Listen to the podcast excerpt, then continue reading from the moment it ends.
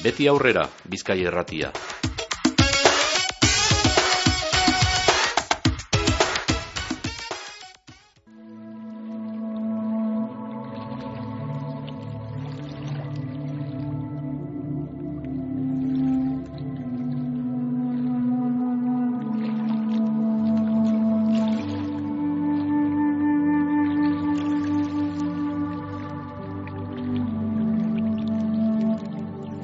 Minutu batzuk goizeko amaikak izateko eta betiko lez apatuetan Juan del Arco dago geugaz estudioan dagoeneko. Juan del Arco bizkaiko farmazialarien alkargoko zuzendari teknikoa da.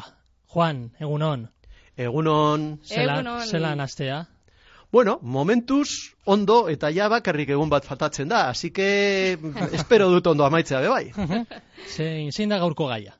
Bueno, gaurko gaia medikamentuen ziurtasuna. Mm, Mhm. Hain zuzen, mm, zer egiten dan eh, ziurtatzeko, mm, parkatu erredundantzia, baina Mhm. ziurtatzeko eh, medikamentuak, ba, zera, eh, alde batetik eraginkorrak dira, eta beste aldetik eh, ziurrak diren eh, merkaturatu baino lehen. Mhm. Zer egiten da medikamentu bat merkaturatu baino lehen. Oso prozesu luzea da, ezta?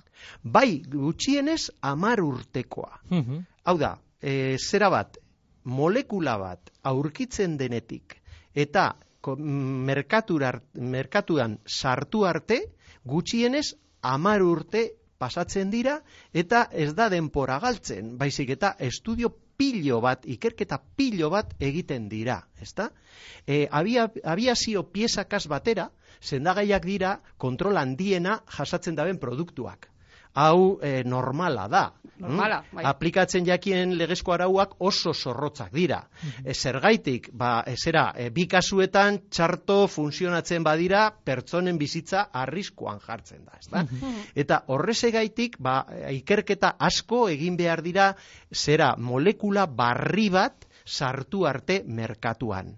Eta zenolako estudioak, zenolako ikerketak egiten dira, ezta?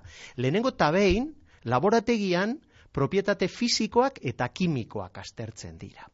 Disolbagarritasuna, egonkortasuna, argiaren eta berotzearen aurkako erresistentzia, eta horrelako propietateak, ze hori gero, importanteak dira jakiteko zer gertatuko dan, gu eukiko dugunean medikamentu horiek gure etxean, ezta? Non euki behar dugu, ba, oskailuan euki behar dugu, edo kanpoan euki daikegu, edo zer gertatzen da, ezta? Da hori, ba, lehenengo eta behin ikasi behar da, e, e, zera, ikertu behar da laborategian.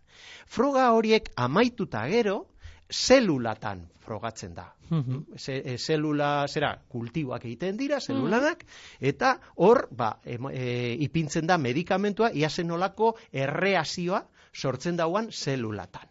Eta hori amaitzen denean, frogatzen da animaliengan. Esperimentazio animaliengan. Zergaitik, ba, bueno, ba, pertsonak babesteko, ez da, ez dugu emoten zuzenean pertsonei, ordun, ba, animaliengan egiten dira horrelako eraginkortasuna frogatzen da. Eta Osea, fi, fidagarriak eh, dira animaliengan egindako hori. Bueno, eh, mm, oso, oso fidagarriak ez direlako egin behar dira gero pertsonengan estudioak merkaturatu baino lehen. Mhm. Baina naiz eta bolondrez izan ege- frogatuko daben pertsonak, ba, babestu behar dugu baita ere bolondrez hoiek, eta lehenengo eta behin ba frogatu animaliengan, ezta? Ka, pertsonak animaliak gara, baina, mm, Baina apur bat hainbeste. diferenteak, ezta? Horrezegaitik, lehenengo, ba, bueno, horrezegaitik eh, animaliengan egindako eh, ikerketakin, ba, dakigu ap, gauza batzuk eraginkortasunari buruz eta ziurtasunari buruz, baina ez, da, ez dakigu dana. Hori, amaitzen direnean ikerketa hoiek, ba, ordun, azten dira e, gizonengan edo gizakiengan parkatu Mhm. egitan diran frogak, ezta? Eta lehenengo frogak animalietan arratoiekaz egiten dira, Normalean, animaliak dira? Bai, normalean saguak eta ratoiak dira ohikoenak. E, bueno, gero, e, depende zenolako medikamentua, ezta? E, beste medikamentu batzuk, ba, behar bada, ba, ba, baita ere beste animali, bueno, e, hori kobaia, ez dakite euskeraz kobaia nola esaten dugun, ba, mm, topauko dugu. Ba, hori, ba, topako dugu urrengorako, ba. Hoiek ere oso, normalean hoiek dira hiru espeziak era, e, erabilenak, ezta? Gero depende ze medikamentua, ezta? Txikitsuak, ez da, oza, Bai. ez da izango, basaldi bat ez da inoz egongo. Ez, hori normalean ez, e, tximinoak lon, antzean behin, baina ez, ez, arraru da. Normalean, hoiek e, hiru espeziak dira normalenak, normalenak, eh? Eta gero, e, gero ja, mm, hori zergaitik egiten da, ba, bueno, ba, arriskuak aldan guztia minimizatu behar dira pertsonengan frogatu aurretik. Eta e, arriskuak beti dagozalako, osea, hori bizitza bera arriskua da. Eta e, zerbait barria erabiltzen hasten garanean, ez dakigu ze arriskua dakarren. E, hori e, edozein eremutan, ez bakarrik medikamentuen eremuan, ezta? Eta horrexegaitik ba, egiten dira e, afroga hauek. Gero ja pertsonengan, zer egiten dugu pertsonengan? Ba, lehenen, lehen fasea, e, deitzen da horrela, gainera, Lehen fasea. lehen fasea. Ba, pertsona osasun, e, osasuntzuekaz egiten da. Eta zergaitik, ba, claro, pertsona osasuntzuak, ba, hobeto gagoz e, gaixoak baino. Ordun hobeto frogatu ondo dagozan pertsonen, pertsonengan, ezta? E, bolondrez talde bat aukeratzen da, Bai. eta sendagaia zelan zurgatzen dan, edo zelan absorbatzen dan, e, gero zelan banatzen dan gorputz barruan, e, gero zelan eta zenbat denpora ezabatzen dan, gibeletik pastan dan ala ez, hori hori guztie, ezta? Eta printzipalena, zein dira efektuak. Noski, ez gara ari efekto terapeutikoei buruz, pertsona horiek osasuntzu dagoz, ezta? Baizik eta ia espero ez dugun efekturen bat sortzen dauan. Hau da, ze ondorio sekundarioak daukaz. Mm? Horregaitik segurtasun azterlanak deitzen dira.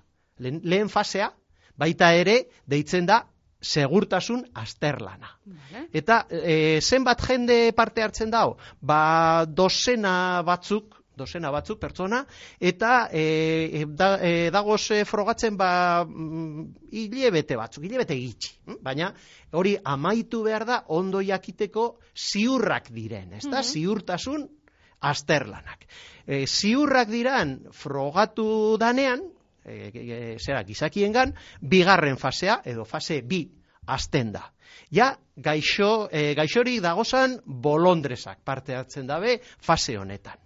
E, sendagaia erabiliko dan gaixotasuna dabe. Claro, osea, sendagai, e, sendagaia erabiliko da gaixotasun hori sendatzeko, ezta? Beraz, ba, hoiek e, pertsona partzean, parte hartzen dira.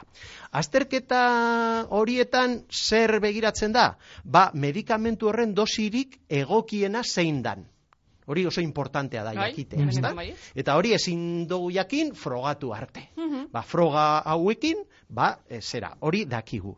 Eta bi fasean, e, voluntario gehiagok parte hartzen dabe, ba, eunetik e, irureunera, hortik Mhm. e, egoten da, e, hilebete gehiago, iaia urte bat ere iraun daitekez, depende, eta e, baita ere hor, ba, jakingo dugu gehiago, bai e, zera e, eraginkortasunari buruz, baina baita ere ziurtasina, ziurtasunari buruz. Mhm. Ze hor agertuko dira eragin sekundarioa batzuk, ezta? Eta e, bi fase hori ondo amaitzen bada, e, frogatu dugu eraginkorra dela, frogatu dugu ziurra dela talde txiki baten, baina talde handiago baten frogatzen da. Mhm. Eta hirugarren fasea, hirugarren fasea zenbat pertsona hartzen dabe parte? Milaka pertsona. Iru mila, bos mila, hortik, osea, ja, Mhm. zenbaki potoloa, ezta? Eta e, noski beti bolondresak. Gaixoak, kasu honetan, noski, eta e, normalean mm, egiten dira gutxienez talde bi. Zergaitik egiten dira talde bi? Ba, frogatzeko, ba, konparaketa bat egiteko, ezta? Eta zeintzuk dira jarraitzen diran irizpideak taldeak egiteko? Ba, e, egiten dana da, talde biek egon behar dira, e, izan behar dira bardintzu. Mhm. Eta horrezegaitik egiten dira, bueno, estadistikoki e, aukeratzen dira nor izango nor egongo dan e, zera medikamentua hartzen eta nor egongo da e, beste sustantzia hartzen edo placeboa edo referentzizko tratamendua, ezta? Ordun, ba, aukeratuko dugu horrela e, sujetoak, ez deitzen dira sujetoak, eta e, sujeto horiek, ba, talde bateri medikamentua, emongo jakie, eta beste, besteari, ba, beste sustantzia bat, eta konparatuko da zer gertatzen da. Eta medikamentua, izan behar da noski, bestea baino hobea. Bestela esan komerzializatuko. Eta izan behar da, bestea baino hobea, baina ez bestea baino kaltegarriagoa. Osea, Claro. gauza biek bete behar dira. Mhm. Estudio hoiek edo ikerketa hoiek ja urteak iraun desa, e, daitekez. Mm? Eta egiten dira ez bakarrik ospitale baten, baizik eta ospitale askotan eta munduan zehar. Horrela, e, zera, e, hobeto da jakitea ba, munduko populazioa zelan, e, munduko po- populazioan ba, zelan konportatuko da e, medikamentu hau, ezta? Osea, Mhm. estrapolazioa hobeto egingo da baldin eta frogatu badugu herrialde desberdinetan, ezta? Mhm, claro. Eta medikamentu bat ez da komerzializatzen e, e, zera, ikerketa guzti hauek amaitu arte. Horrezegaitik esan duguna. Gutxi gora bera, amar urte pasa behar dira, e, ikerketa asko egin behar dira, hori noski dirua suposatzen du, hori e, suposatzen du jende asko egon behar dala hortan lan egiten, baina derrigorrez egon behar gara ze medikamentuak ziurrak izan behar dira eta eraginkorrak izan behar dira, eta hori jakin ondo jakin behar dugu merkaturatu baino lehen. Mhm. Mm, beste polemika bat sortu zen, eh, Juan, pandemia garaian. Eh, amar urte esan dozu, eh, irauten dauela normalien eh, prozesu hau, eta pandemia garaian eh, txertoak, ba, ez dakit urte baten. Mm, bai? Egin ziren, Bai. argi, Urtearen inguruan.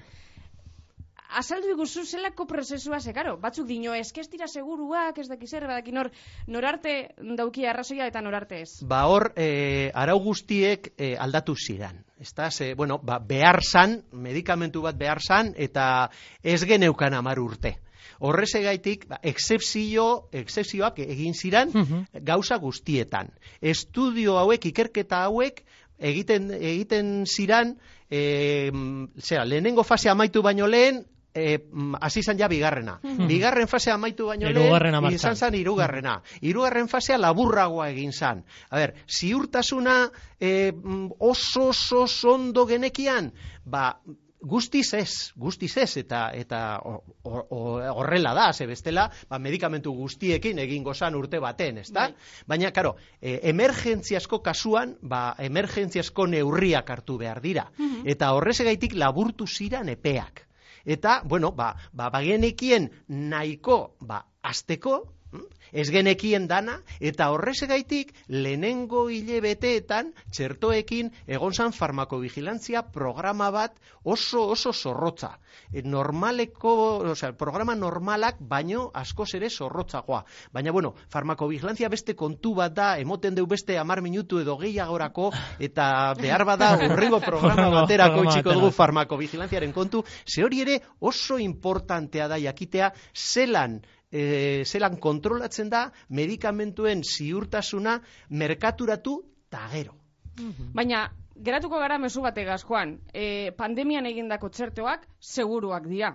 Noski, seguruak ziren, e, hasi hasi ginenean erabiltzen ez genekien gauza gehiegi, eta, bueno, ba, arrisku bat zegoen, bueno, arriskua, e, zera, e, arriskuak beti dagoz, esan dugu Mhm, bizitza beti, arriskua bai. dela, baina, bueno, arrisku hori txikiagoa izan, e, txikiagoa izan benefizioarekin konparatuz. Claro. Orduan horrezegaitik hasi izan erabiltzen. Gaur egun, argi dakigu oso oso ziurrak dela. Ze ja, e, urte batzu pasa dira eta ja milioika pertsonengan frogatu da.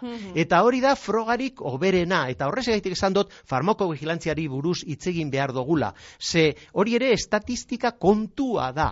Medikamentu batek egiten badeu eragin kaltegarri bat, ba, mm, e, zera, milioika pertsonatik baten, ba, milioi bat edo milioi bi pertsona erabili arte medikamentu hori, inori ez jako hori pasatuko, estatistikoki. Mhm. Ordun, ba, erabili behar da populazioan dana jakiteko medikamentuei buruz eta horrezegaitik ere oso importantea da merkaturatu eta gero hartzen diran neurriak. Eta neurri asko, ba, eta zera, ikerketa desberdin batzuk ere badagoz e, merkaturatu eta gero. Baina hori beste saio baterako itziko dugu, Juan. Ba, mi esker, beste egun batez geugas egotearren, e, azalpen oso interesgarriak emotearren, aste ona paseu, eta datorren zapatura arte, Juan, delarko, mi esker. Ba, mila esker bioi eta entzule guztioi. Zeuri, agur.